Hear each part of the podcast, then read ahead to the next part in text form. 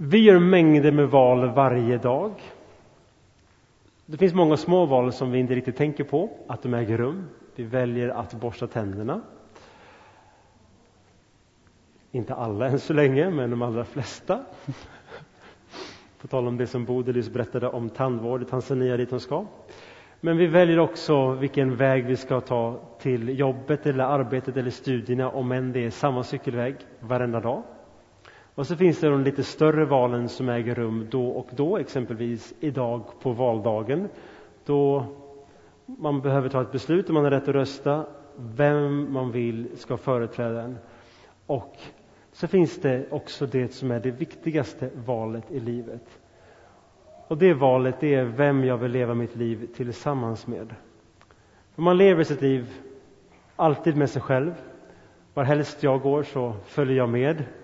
På gott och ont kan man ibland känna beroende på hur man trivs med sin egen situation och sitt liv och sina tankar. Men att välja det, jag vill leva tillsammans med mig, Gud har skapat mig. Vi har också ett val att leva i gemenskap med andra. Vi sitter ju här, eh, ett antal människor. Och det är ett val vi har att samsas under tre timmar i servicekyrkan, exempelvis. Och vi har ju människor omkring oss överallt. Valet att jag vill leva med andra människor och inte bara försöka undvika dem, för det är också lite sött och salt med detta. Och så finns det viktigaste valet, det är att vilja leva mitt liv tillsammans med Gud. För Gud har gett oss en vilja, en fri vilja att få välja också det, på samma sätt som vi har val i övrigt i livet. Och jag har hoppats att de här tre söndagarna som vi har haft kopplat till valfrågor ska få uppmuntra dig att vilja lägga ditt liv i Guds händer. Första söndagen var omsorg på riktigt och förra veckan så var det fake news, falska nyheter, att avslöja lögnerna som vi bygger våra liv på. Och idag är vi framme vid försvaret. Vem skyddar mig? Och som bakgrundstext till det så har jag valt eh, Ordspråksboken 4 kapitel 10 till 27. Ordspråksboken är en bok i Bibeln som har mycket levnadsvisdom upplagt på 31 kapitel. Så vill man kan man läsa ett kapitel per dag och märka hur ens liv kommer att fatta mycket klokare beslut allt eftersom vi påminns om Guds vägledning som till stort handlar om relationen till sig själv, varandra och till Gud. Och då skriver kung Salomon, som har skrivit den här boken för länge sedan. Hör min son, ta emot mina ord så skall dina levnadsår bli många. Jag undervisar dig om vishetens väg, jag leder dig på de rätta stigar. När du, där, när du går skall inget hindra dina steg, när du springer skall inget falla. Håll fast vid min förmaning, överge den inte, bevara den, ty den är ditt liv. Gå inte in på de ogudaktigas stig, vandra inte på de ondas väg. Undvik den, gå inte in på den, vik av ifrån den och gå förbi. Ty de kan inte sova om de inte får göra något ont. Sömnen viker ifrån dem om de inte får vålla någons fall. Ogudaktigheter är det bröd de äter, våld är det vin de dricker. De rättfärdigas stig är lik gryningens ljus som växer i klarhet tills dagen når sin höjd. Men de ogudaktigas väger som djupaste mörker. De märker inte det som vållar deras fall. Min son, Ta vara på mitt tal. Vänd ditt ord, ditt öra till mina ord. Låt dem inte vika från dina ögon, bevara dem i ditt hjärtas djup. Ty de är liv för var och en som finner dem och läkedom för hela hans kropp. Framför allt som skall bevaras må du bevara ditt hjärta, ty från det utgår livet. Gör dig fri från munnens falskhet, Låt läpparnas svek vara fjärran ifrån dig. Låt dina ögon se rakt fram. Rikta din blick rakt framför dig. Tänk på var din fot går fram. Låt alla dina vägar vara rätta.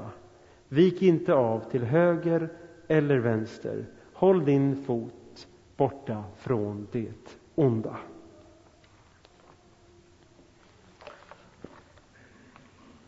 Som inledning idag så har jag sagt eller skrivit en oroligare tid. Och man skulle nästan till kunna sätta frågetecken på den rubriken också. Och till höger så ser ni en bild som är just detta av ett orosväder som drar in över skapelsen. En vers vi läste som ni har framför er på bladet är vers 19. Men de ogudaktigas väg är som djupaste mörker. Och det tror jag att vi alla kan skriva under, vare sig vi är kristna eller inte. Att människor som vill leva utan en tanke på att det finns någon som jag ansvarar inför. Det handlar bara om mig och mitt, och mitt eget fokus för mitt liv. Det leder till mörker när vi inte tänker på det bästa för våra nästa. Och så har jag ställt som fråga, har det blivit kallare? Har det blivit kallare? Jag har mött flera personer under ett antal veckor och mer den här veckan som har en uppriktig oro för vårt land, för Sverige av olika skäl. Det handlar om valet som vi har idag och en känsla om att grupper under den senaste tiden, åren, mer och mer ställs emot varandra. Har det blivit kallare? Tidigare i våras då hade vi en temaserie här på tre veckor som han hette Kris med Kristus. Om hur vi kan möta kris tillsammans med Jesus istället för alternativet som är på egen hand. Och det låg tillbaka på grund av det som har skett i decemberöverenskommelsen i slutet på 2017 där alla riksdagspartiernas företrädare kom samman och sa att ja, men det finns ett större hot också rent militärt mot Sverige än tidigare. Man tänkte framför allt på Ryssland. Och tidigare, också i våras, så var ett kinesiskt örlogsfartyg också här uppe i Östersjön och övade tillsammans med Ryssland. Har det blivit kallare? Är det en oroligare tid? Nyheterna kommer tätare och tätare om att Sverige ska förbereda sig för en lågkonjunktur och de eh, människor spår att den kommer komma närmaste fyra åren. Vår tidigare finansminister Anders Borg säger att det är med stor sannolikhet att det kommer att bli så. Och likaså en av våra tidigare statsministrar, Göran Persson. Ibland är det lättare att fråga dem som inte har kvar en position att säga vad man tänker, man har inte samma lojaliteter.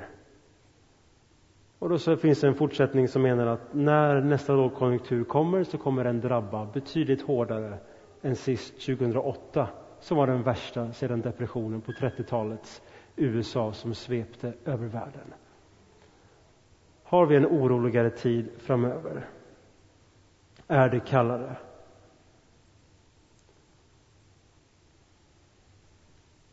Att besvara den frågan det kan man besvara på många olika sätt. Men grunden i det är frågan vad är det som jag är orolig att jag kommer förlora? Vilken värme är det som jag fruktar? Innan man har svaret på den frågan så kan man heller inte komma till svaret på har det blivit kallare? Det leder till den första frågan, vad skall skyddas?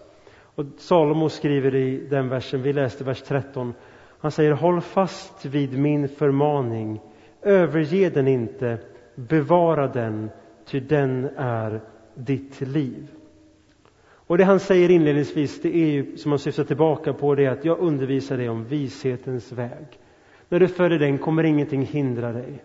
Och det här är ingen introduktion för ett filosofiskt seminarium, utan det Salomo syftar på, det är kunskapen om Gud som har skapat oss till likhet med honom, till en underbar skapelse där han har lovat att aldrig överge oss. Som första punkt under den rubriken har jag skrivit att ju viktigare, ju mer skydd. Och ni ser en bild på en liten bebis som läggs i ett babyskydd i baksidan, ja, i baksätet av en bil gissningsvis. Jag har tänkt en del på det här nu igen eftersom att vi fick barn i somras och återigen har fått införskaffa de här babyskydden som inte får kallas för bibarnstol för att det är ett babyskydd. Och jag har noterat då hur vi sitter i bilen. Först har vi då lilla Ingrid som nu är ett tiotal veckor gammal. Hon sitter ju i den här kokongen då med dubbla spännband och som går ner. Hon har någon form av fempunktsbälte som i sin tur är fastsatt i en, liksom en låda som i sin tur sitter fast med metallkrokar i själva liksom, bilramen i praktiken. Då.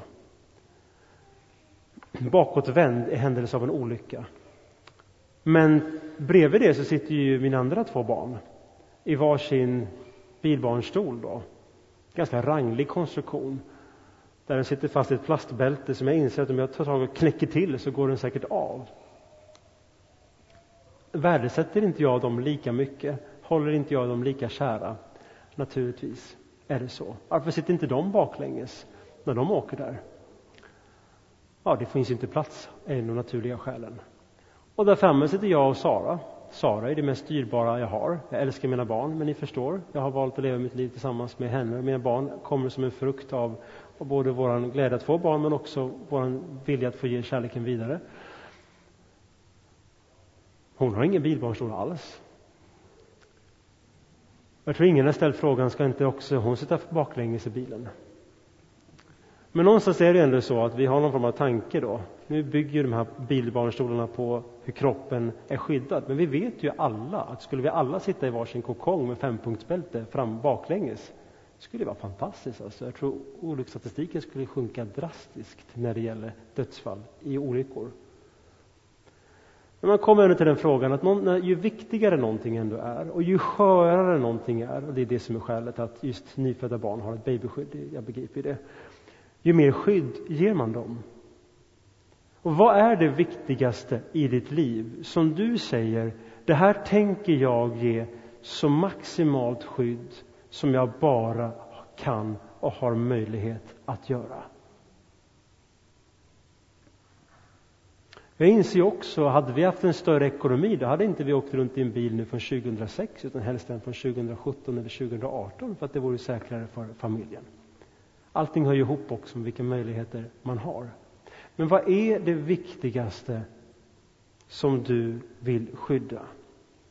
I första Johannesbrevet så skriver Jesus lärjunge Johannes på ålderns höst, gissningsvis kapitel 3, vers 11. Då säger han så här. Detta är budskapet som ni har hört allt ifrån början, att vi skall älska varandra. Vi ska inte likna Kain som var den ondes barn och slog ihjäl sin bror. Och Kain och Abel är barnen som kommer av Adam och Eva som Gud har skapat. Där säger han att budskapet har ni hört från början. Och det är att ni ska älska varandra. Det är liksom fundamentet. Och ni som var med här alldeles nyligen också, barnen fick ta sina händer och jag liksom påminde dem om att ta hand om varandra. Men det gäller ju också oss. Det gäller ju också oss i våra familjer, på våra arbetsplatser och hur vi tänker om andra människor. För drygt tio år sedan så var vi några studenter i Uppsala, jag måste ha varit lite drygt tio år sedan, tiden går fort. Och vi pratade politik, jag tror att det var då, om en tre val sedan, tolv år sedan. Och vi började prata om en då eh, högt uppsatt politiker. Och vi började tala illa om henne. Och jag sa också saker, ja men alltså man fattar ju hur hon är och lite sådana här saker, det kan bli en form av jargong. Och så var det en av mina kompisar, Daniel, som sa, alltså jag tycker inte vi ska prata på det här viset om henne. Min tanke var ju, hon är ju inte här, men hon är ju politiker. Och jag insåg kort därefter, jag gör fel. Jag, så att säga bad om ursäkt, inte så mycket för gruppen, men, men framför allt inför Gud för hur jag hade betett mig om en annan person. Han vill att jag ska värdesätta alla människor omkring mig, vare sig de finns i rummet eller inte vare sig de har en offentlig roll eller inte. Det här med att människor som har ledande positioner ska stå ut med saker och ting. Det är en totalt icke-kristen tanke, det är, inte en, det är en sekulär tanke. Det är en tanke som nästan går tillbaka på saker och ting som leder till att ja, men, om någon sliter ut fötterna, då får man slå till det, för den har valt det. Den kristna vägen är att vi alltid ska få älska varandra. Och så sipprar det här ner hela vägen in i ens vardagsliv. Och för mig då så finns det olika saker som är det viktigaste i tillvaron. En av dem, naturligt då, är ju min familj med relation med Sara och mina barn. Så sent som i morse så hamnade jag i en diskussion med min dotter. Och jag insåg, det tog ungefär tio minuter, en kvart, ah, jag är också delaktig i det här som blev fel. Och det är inte det lättaste alltid som förälder att inse att man också behöver be om förlåtelse.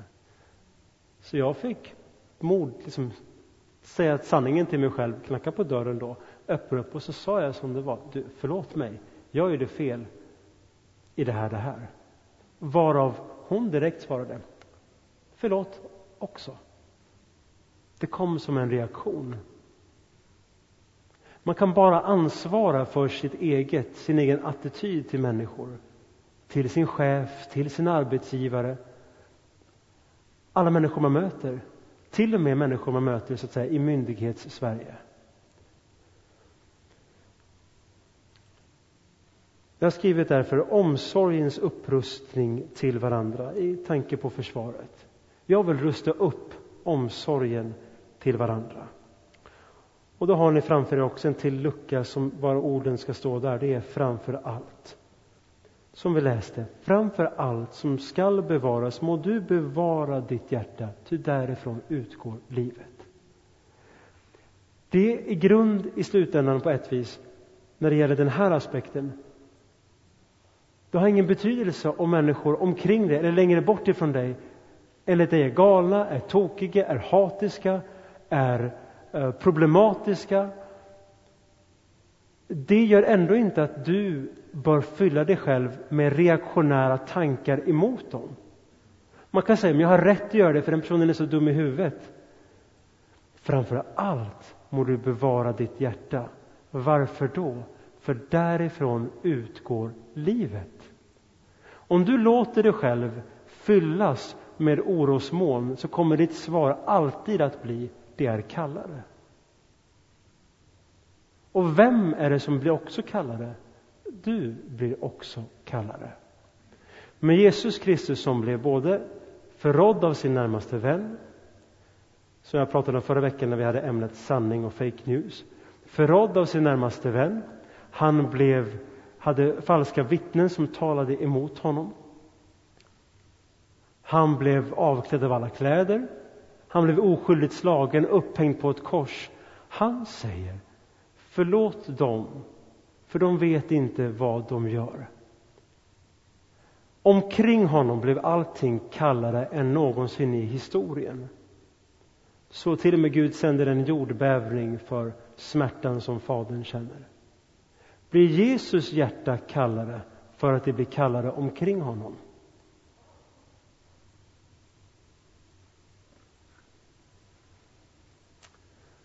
Jag har också skrivit under rubriken Vad skall skyddas? att alla kommer vi falla och vill, vad är då min grund? Nu är jag tillbaka i liksom en föräldraperspektiv, men en liknelse som jag tror många kan ändå liksom se framför sig. Många lekplatser har byggts om de senaste åren. När jag var liten var det ju asfalt, i bästa fall sand. Nu är det ofta svikt under de här röda plattorna som finns. Så när man faller så gör det inte så ont. Nu har man kommit på att det inte är helt bra för barn tar enorma risker i klätterställningarna för de vet om att det gör inte ont när jag faller ändå. Så nu vill man börja bygga mera hårdare underlag har jag läst så att man lär sig att det gör ont att falla. Men det är en bra liknelse ändå ur den här aspekten. Alla kommer vi falla. Vi kommer fyllas med oro, rädsla, missmod, hat, ovilja att vara den som tar initiativet och ber en vän om förlåtelse när vi är två som träter. Och då faller vi. Och vad faller du då på då? Underlaget har betydelse i hur hårt du kommer slå dig. Och det finns en vi kan få falla i. Och i Bibeln står att, att vi kan få falla i den levande Gudens händer. Och när man faller då, då gör det inte ont. När man som kristen säger ja, jag gör fel, då blir man inte nedtyngd utan upplyft. Därför att Gud lyfter av den bördan ifrån mig. Han lyfter upp mig, plåstrar om mig och säger det gick inte bra den här gången. Vi är alla eniga om det. Men jag är samtidigt övertygad om att tillsammans med mig så kan din dag bli bättre än din gårdag. Alla kommer vi falla. Och vilken är din grund för det som du värdesätter mest? Om du värdesätter din familj mest, eller om du värdesätter ditt arbete mest, eller din hälsa mest. Hur ser planen ut för det då? Det finns en person som skrev en bok. Hon jobbade på en palliativ vårdavdelning i Australien, om inte jag minns fel. En sjuksköterska. Hon skrev en bok, Fem saker människor ångrar på sin dödsbädd. Och hon har mött både unga och gamla som har dött. Och hon säger två saker. En sak människor ångrar det är att de har önskat att de har vågat leva ett liv sant mot sig själv, inte ett som andra förväntade sig. Och två, att de inte jobbade så hårt. För när man är sjuk då är det oftast inte arbetsgivaren och kollegorna som tar hand om en, utan vännerna eller bristen på dem.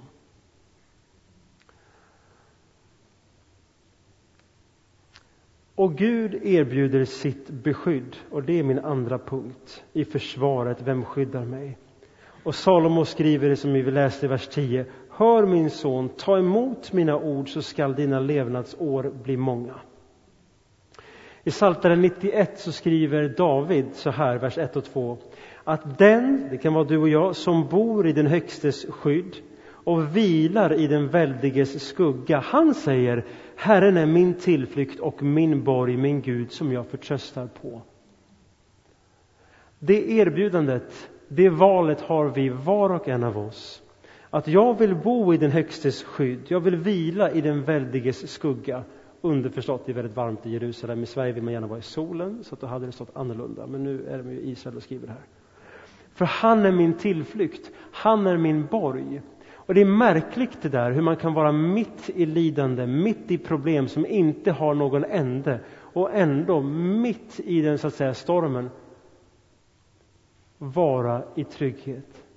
Därför att min själ har blivit levandegjord av Jesus Kristus.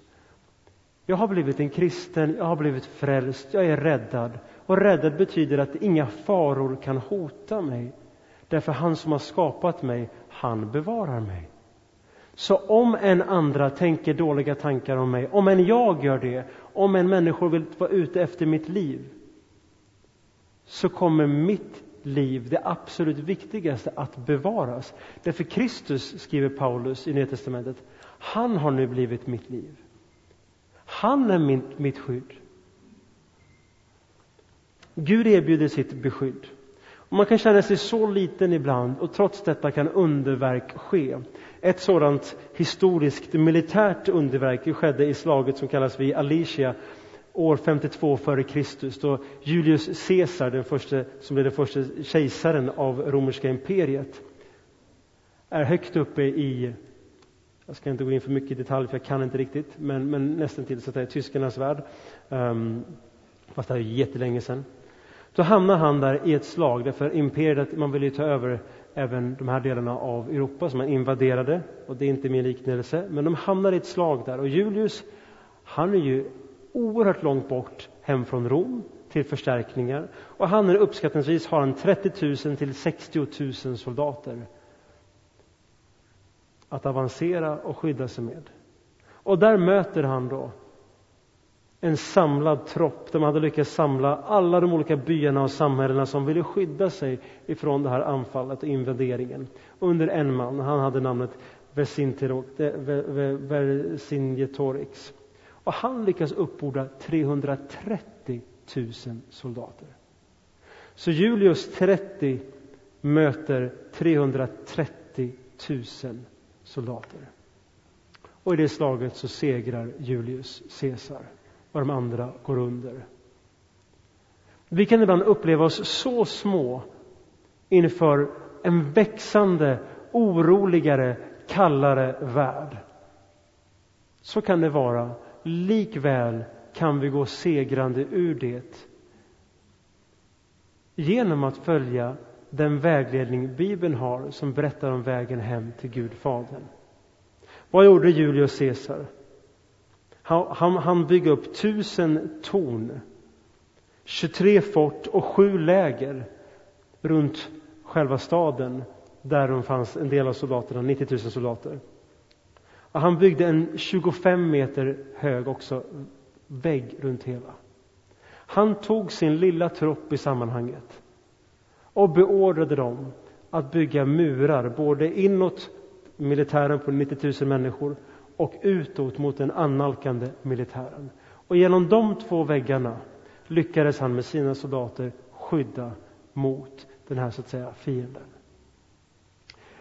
Och Gud, han vill vara våran borg. Han vill så att säga hjälpa oss att bygga upp murar, inte mot omvärlden, men mot det som skydd, hotar det absolut mest värdefulla du har. Ditt hjärta, för därifrån utgår livet.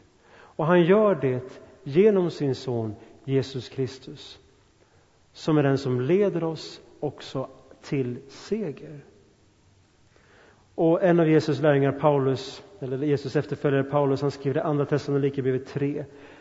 Jesus är trofast. Han skall styrka er och skydda er för det onda. Och det är fascinerande att han skriver det i nutidsform, presensform, trots att det sker efter påsken. Varför gör han det? Därför den första kristna, de visste Jesus han hade uppstått ifrån de döda och han har sänt sin helige Ande och är alltid hos oss. Därför skriver Paulus, Gud är trofast, Jesus är trofast, han skall styrka er. Inte bara han uppmuntrade er under några år för länge sedan, utan han är hos oss här och nu. Och Jesus sa, jag är med er alla dagar in till tidens slut. Det sa han på motsvarande Kristi himmelfärdsdag. Och Gud han skyddar oss genom sitt ord, genom så att säga eh, Bibelns undervisning som är utandad av Gud. Han skyddar oss också genom sin gemenskap. Varje kyrka har det här som uppdrag. Jesus säger att där två eller tre är samlade i mitt namn är jag mitt ibland dem. Det här är skälet till varför jag längtar att få komma till en kyrka om inte jag råkar vara i Örebro på söndagar. Vilken dag som helst går ju bra, för Gud är alla dagar lika. Men då brukar människor oftast i alla fall samlas. Därför att Gud har lovat att vara mitt ibland oss. Varför är ni här? Jag vet inte. Jag är här för att jag vill möta er. Jag är här för att jag vill be tillsammans med er. Jag är här för att jag vill träffa er, få höra vad som händer hos er. Det finns en praktisk dimension. Ni vill kolla av saker i grupper, evangelisationsteam och, och liksom saker som är grymma eftersom att jag leder mycket här. Men jag älskar att komma hit därför ni är här. Inte för att Gud är här. Han är överallt. Han finns lika mycket i min lägenhet som är på bergets topp eller med i ett annat land. Men ni, ni finns bara här. Och när jag får samlas med er, då vet jag att Jesus Kristus är mitt ibland oss. Och jag kan vara stark, jag kan ha en dålig dag. Och ni som har känt mig, ni vet att det går upp och ner för mig. Jag behöver er. Och jag vet att många här av er, ni behöver varandra. Och ibland har ni mycket mer kraft att ge någon annan.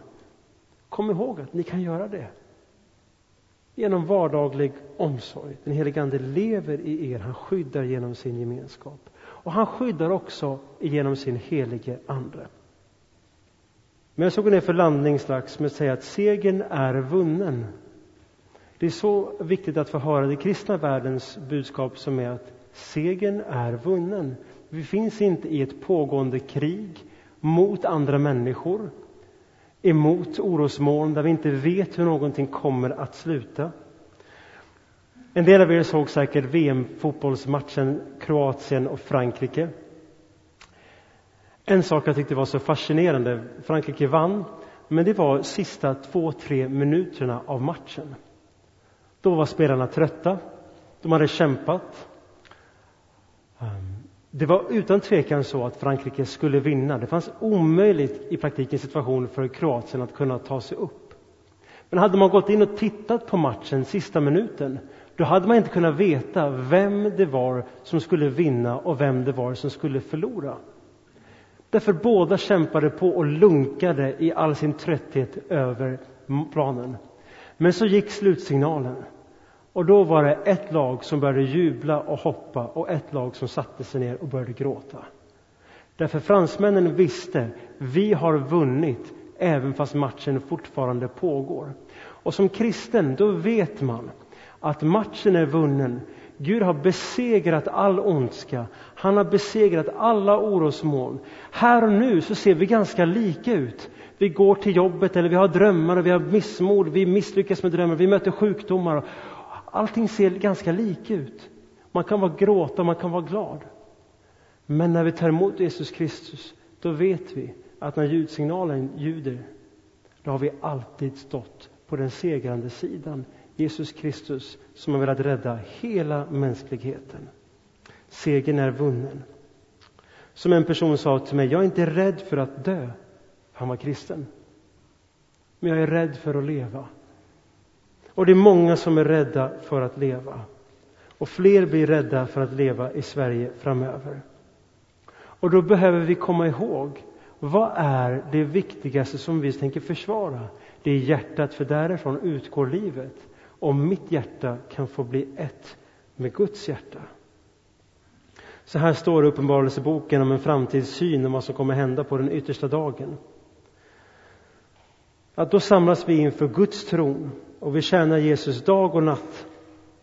Och så står det så här att de ska inte längre hungra och inte längre törsta. Varken sol eller någon annan hetta ska träffa dem. Ty lammet, och det består för Jesus, som står mitt för tronen skall vara deras herde och leda dem fram till livets vattenkällor och Gud ska torka alla tårar från deras ögon. När jag vet att mitt liv är i hans händer så behöver jag inte vara rädd för att dö, men jag behöver heller inte vara rädd för att leva. För ingen kan skada det som är det absolut viktigaste, för det tillhör redan honom som har all makt, mitt hjärta och min själ. Och därför så kan man med avslutning säga under frågan försvaret, vem skyddar mig? Att jag kan vara trygg i både liv och död och stämma in i det som Salomo skrev i vers 25 som vi läste. Låt dina ögon se rakt fram, rikta din blick rakt framför dig. Jag tänker möta livet. Jag gör det tillsammans med Gud. Jag kommer inte gå vare sig till höger in i missmod eller vänster in i rädsla utan se fram emot vad dagen och morgondagen har förberett för mig genom Guds omsorg. Och som Jesus sa, känn ingen oro. Tro på Gud och tro på mig. Jag har en avslutande bön som du gärna får stämma in i och göra till ditt. Och um, vi ska också ledas i en avslutande musikstycke där dina tankar och ditt hjärta får ha tid att fundera och också kunna samtala med Herren om det som just nu är högst upp på ditt hjärta och dina tankar. Låt oss be tillsammans. Du har alltid hjälpt mig och under dina skyddande vingars skugga kan jag vara glad. Jag klamrar mig fast vid dig. Du är min tillflykt och min borg, min Gud som jag förtröstar på. Amen.